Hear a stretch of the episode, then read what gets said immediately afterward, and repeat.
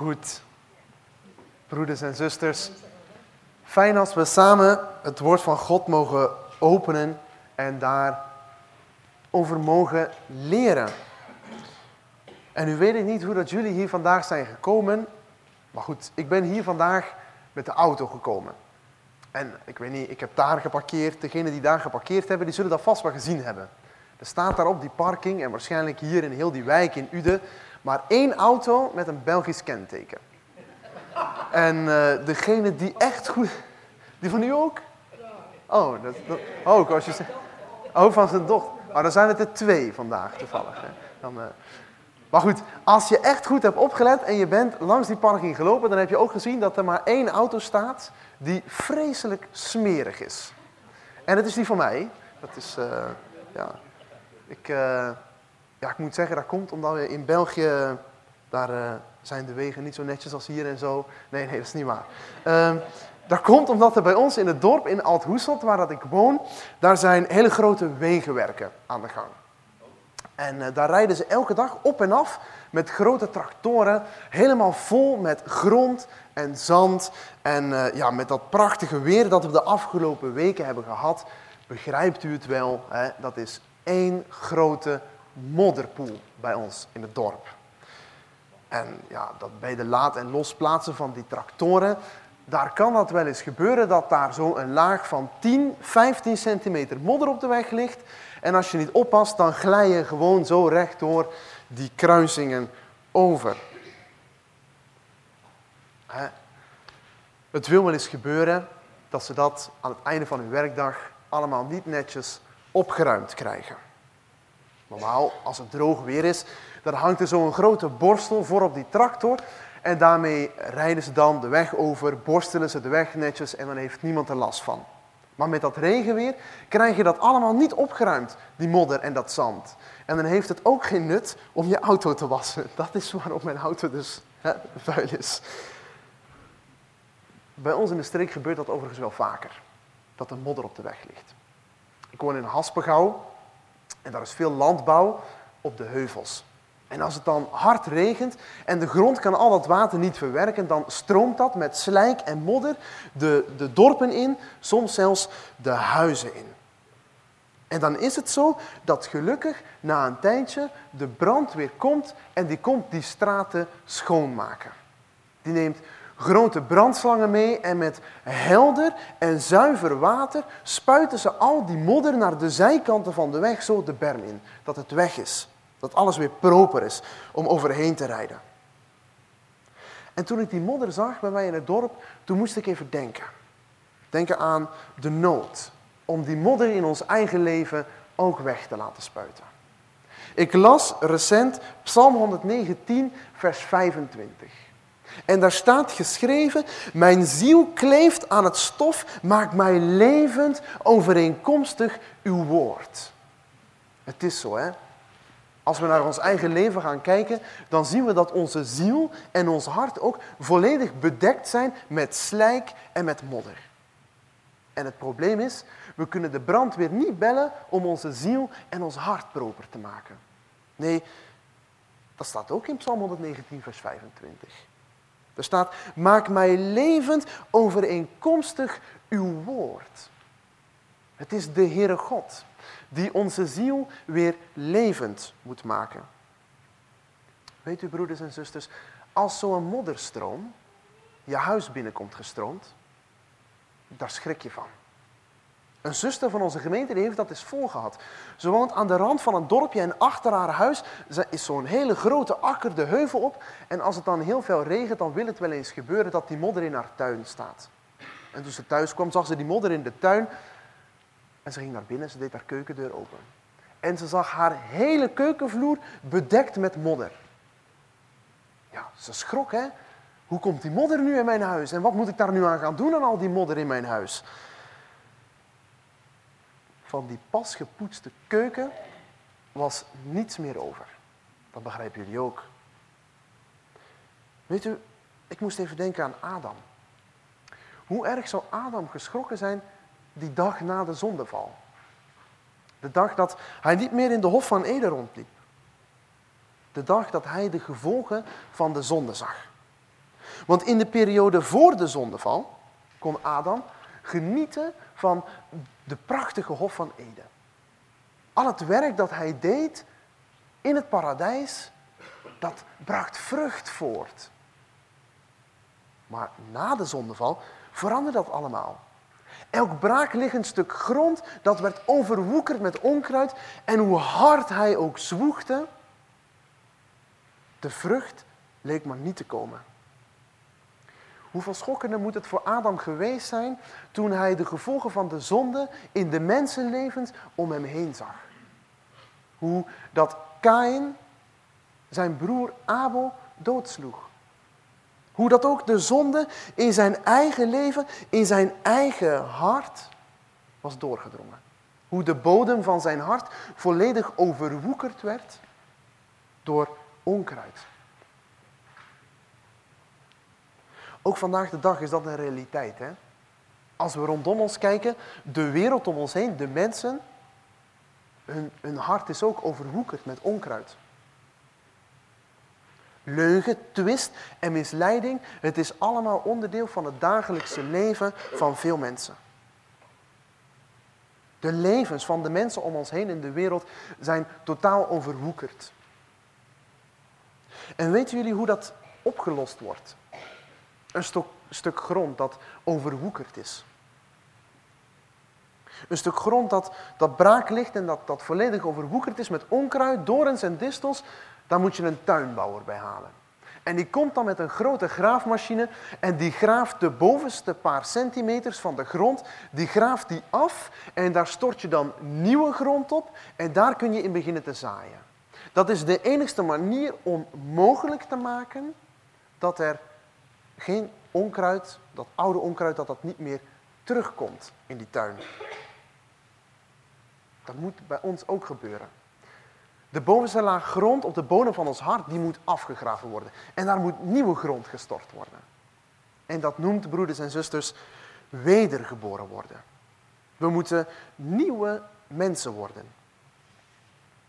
Lees ook in de Bijbel. In Johannes 3, in het gesprek tussen de Heer Jezus Christus en Nicodemus. Daar staat in vers 3, als je het letterlijk gaat vertalen vanuit de grondtekst, iemand die niet van boven geboren wordt, kan het koninkrijk van de hemel niet binnengaan. We weten, we moeten wedergeboren christenen zijn om het koninkrijk van de hemel binnen te gaan. Maar dan loop ik, broeders en zusters, tegen een probleem aan. Als mijn tuin overwoekerd is, en geloof me maar, we hebben elf aren grond, daar is nogal wat van overwoekerd, daar kan ik zelf aan beginnen. Dan kan ik zelf de bovenste laag grond afhalen en nieuwe grond neerleggen. Maar met mijn hart is het anders gesteld. Ik kan zelf mijn hart niet wedergeboren doen worden. Dat is voor mij onmogelijk. En het is daarom dat de Heer Jezus tegen Nicodemus zegt, we moeten van boven geboren worden. God moet het doen, het moet van God komen. En ik had thuis bij de voorbereiding van de preek even de Dordtse leerregels erbij genomen. Om te zien wat dat daar geschreven stond over wedergeboren worden. En voor de mensen die geïnteresseerd zijn, achter in je Bijbel, hoofdstuk 3 en 4, de artikels 11 en 12. En dan lees ik het volgende. Het is een volstrekt, bovennatuurlijke, zeer krachtige en tegelijk zeer liefdevolle, verbazingwekkende, verborgen en onuitsprekelijke werking. En een beetje verder staat geschreven, niet minder, niet minder krachtig dan zijn werk bij de schepping of de opwekking van de doden. Het is duidelijk, als je dat in de Dordtse leerregels leest, duidelijk het werk van God waardoor dat een mens vernieuwd wordt. Allereerst is het Gods werk dat we mogen geloven. Geloven in het genadig kruisoffer van de Heer Jezus Christus. Mogen geloven dat de Heer Jezus Christus oprecht werkelijk de Zoon van God is. En het is ook Gods werk dat we liefde kunnen opbrengen voor elkaar. En het is ook Gods werk dat we geduld hebben voor elkaar. En het is ook Gods werk dat we trouw blijven aan ons geloof. Kijk nog eens verder in die artikelen van de Dordtse leerregels. Want de schrijver gaat verder over de wedergeboorte. En hij schrijft, Hij dringt door tot in het diepst van de mens met de krachtige werking van diezelfde geest die de wedergeboorte werkt. Hij opent het gesloten hart. Hij maakt het harde zacht. Hij besnijdt het onbesnedene.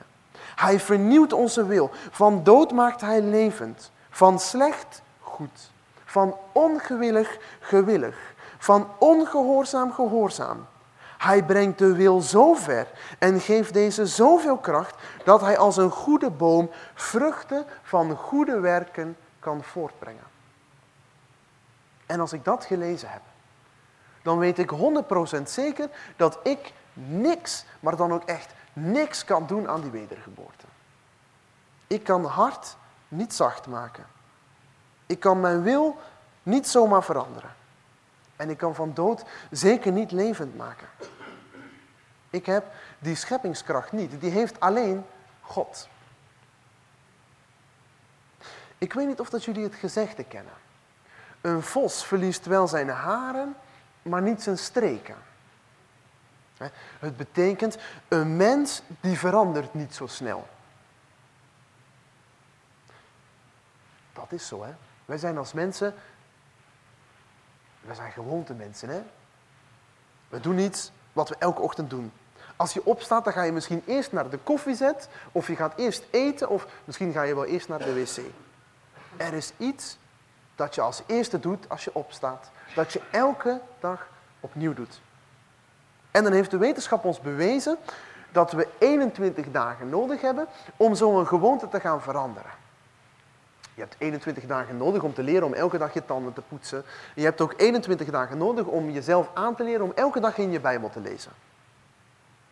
Maar ik kan je zeggen, 21 dagen gaan niet genoeg zijn om te stoppen met zondigen.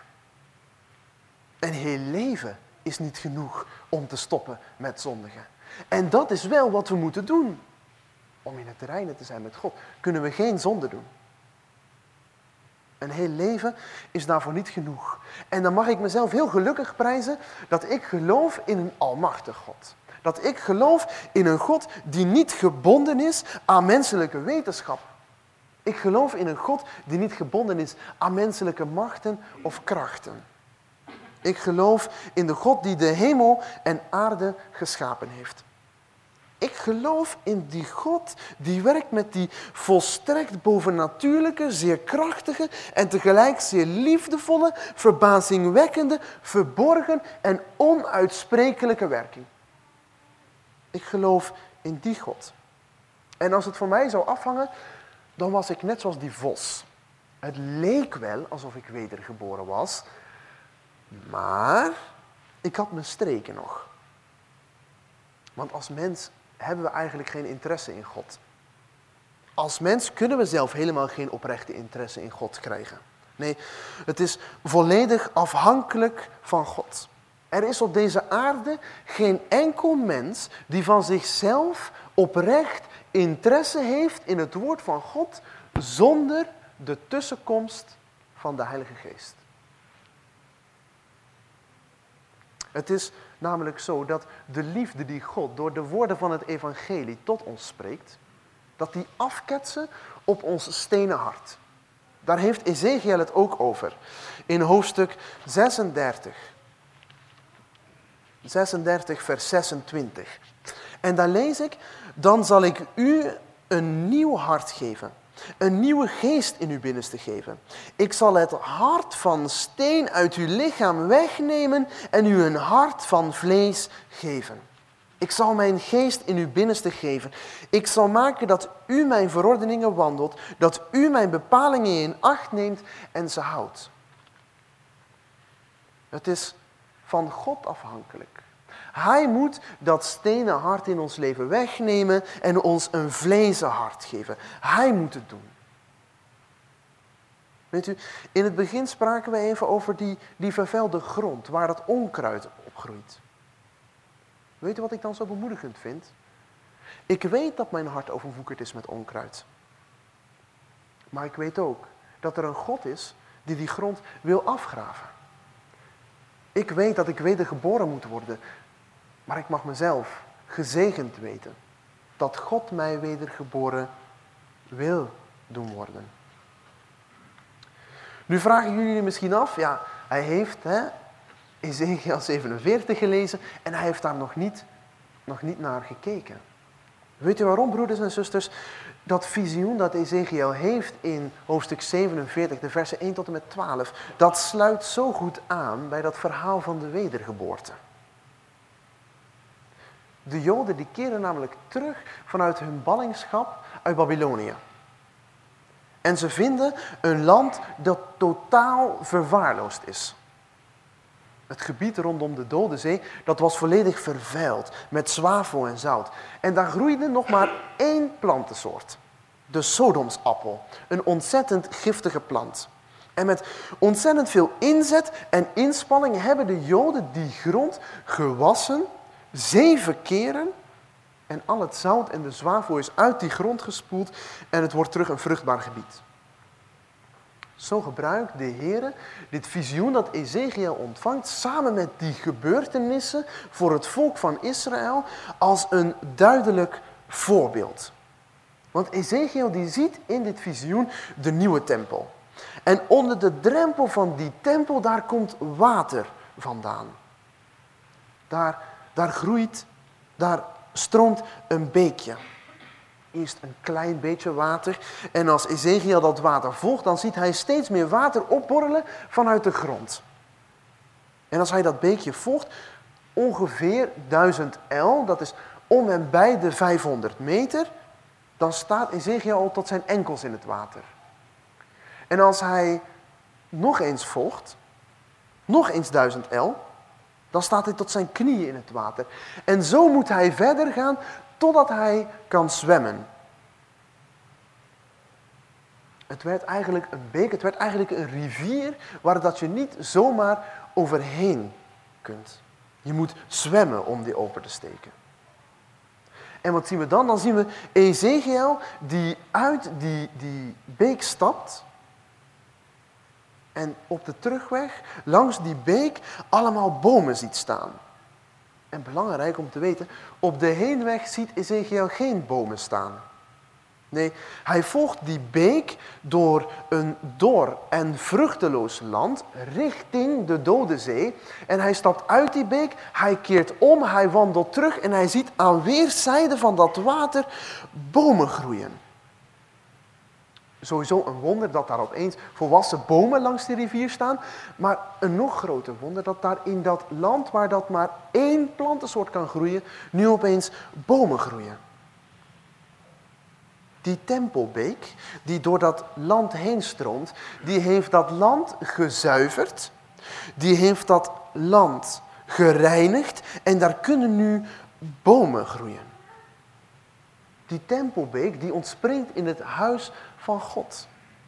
En die reinigt alles wat dat ze tegenkomt met haar frisse en heldere water.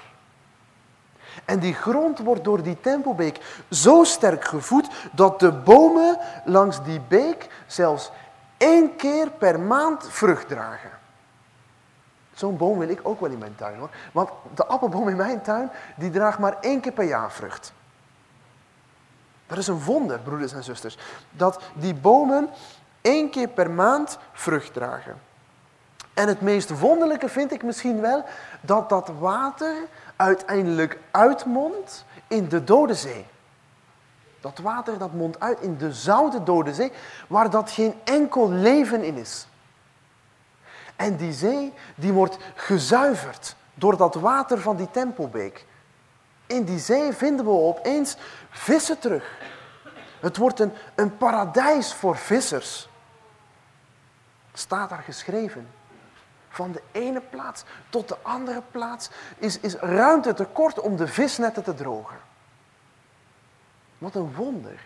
Dat, dat frisse, heldere water van dat kleine beekje dat ontspringt in de tempel, de hele dode zee kan reinigen. Broeders en zusters, aan dat hoofdstuk, Ezekiel 47, vers 1 tot 12. Daar worden ontzettend veel interpretaties aangegeven.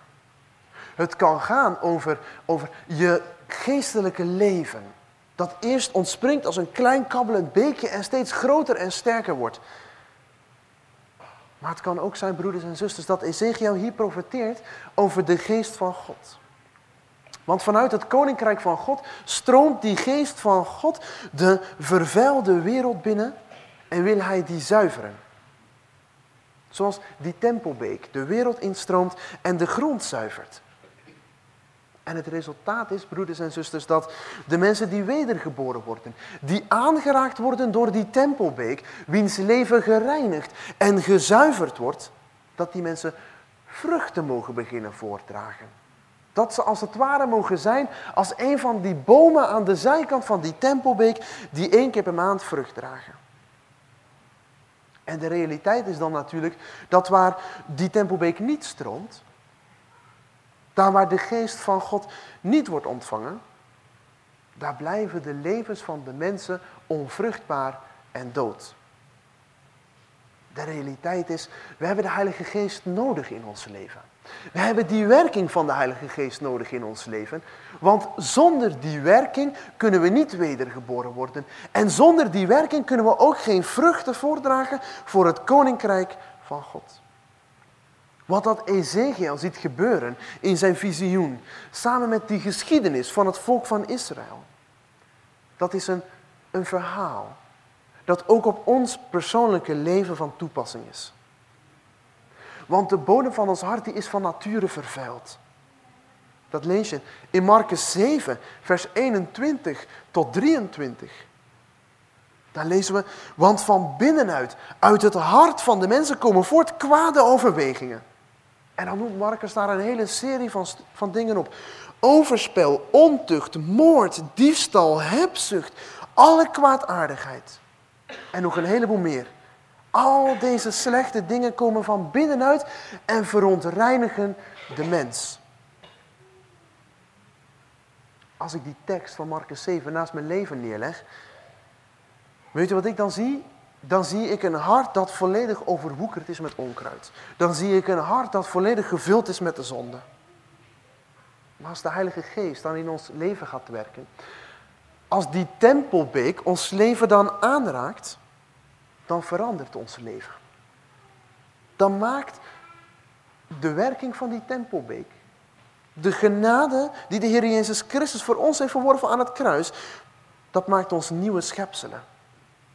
En die verandering die is dan net zo duidelijk als de verandering van het water van de Dode Zee. Eerst een zee waar geen leven in mogelijk was. En daarna een zee dat een paradijs wordt voor vissers. Een beek met grond waar dat de groei van bomen niet mogelijk is. Maar na de wedergeboorte groeien er bomen die elke maand vrucht dragen. En naast wat dat heeft neergeschreven, lees ik in Johannes 7, vers 38. Wie in mij gelooft, gelijk de schrift zegt, Stromen van levend water zullen uit zijn binnenste voortvloeien. En wat een bemoediging zijn die woorden dan nu voor ons. Zo onvruchtbaar als ons hart was voor de wedergeboorte, zo vruchtbaar is ons hart nu geworden. Dat levende water, dat uit ons, uit ons hart mag voortvloeien, wat dat we lezen in Johannes 7, vers 38 dat levende water is te vergelijken met die prachtige tempelbeek. Bemoedigend om te weten dat ik niet alleen geraakt zal worden door die tempelbeek en gezuiverd zal worden door die tempelbeek. Nee, dat ik ook een bron van levend water mag zijn. Dat ik uitverkozen mag zijn door de Heer Jezus Christus om een bron te zijn van het evangelie dat de wereld in mag stromen. En overal waar dat dat levende water komt, daar mag het vruchten voortbrengen. Want het leven van een wedergeboren christen, dat zal altijd vruchten voortbrengen. Vruchten tot het welzijn van anderen. Vruchten tot, tot opbouw van het koninkrijk van God. En het geheim van zo'n leven als een wedergeboren christen, dat is verbonden zijn met de bron van het levende water. Verbonden zijn met de Heer Jezus Christus. En zo mag er dan. Doordat we zo een bron van levend water mogen zijn. Iets zichtbaar worden van de nieuwe aarde die ons te wachten staat. Zoals omschreven in Openbaringen 22, in de eerste twee versen. Hij toonde mij een rivier van water des levens, helder als kristal, ontspringende uit de troon van God en van het Lam, midden op haar straat. En aan weerszijden van de rivier staat het geboomte des levens, dat twaalfmaal vrucht draagt. Iedere maand zijn vruchtgevende en de bladeren van het geboomte zijn tot genezing van de volken. Broeders en zusters, dan mogen we, als we wedergeboren zijn en we dat, die bron van levend water in ons leven hebben, dan mogen we iets proeven van de nieuwe aarde. Proeven van de vrucht van zijn liefde en genade. Dan mogen we proeven van de vrucht die voortkomt uit het lijden en het sterven. Uit het offer van de Heer Jezus Christus. Dan mogen we proeven van de rijkdom van de heerlijkheid van het eeuwige leven. Want eenmaal wedergeboren zijn we niet langer vruchteloos en dood. Zoals omschreven in Marcus 7. Nee, we zijn van de dood naar het leven overgegaan. We zijn wedergeboren. En broeders en zusters, door onze overgang van de dood naar het leven, door die wedergeboorte, mogen wij delen in dat wat de Heer Jezus Christus ten deel is gevallen door zijn offer aan het kruis. We mogen delen in de vrucht van het leven. We mogen delen in de vrucht van het eeuwige leven. Dat we mogen delen in dat wat de Heer Jezus Christus voor ons verworven heeft. Niet dat wat wij voor onszelf verworven hebben. Nee, dat wat de Heer Jezus Christus aan het kruis voor ons verworven heeft. Tot vergeving van de dingen die wij fout hebben gedaan. Hoe bijzonder is het dan? Als we daar deel aan mogen hebben, aan dat levende water.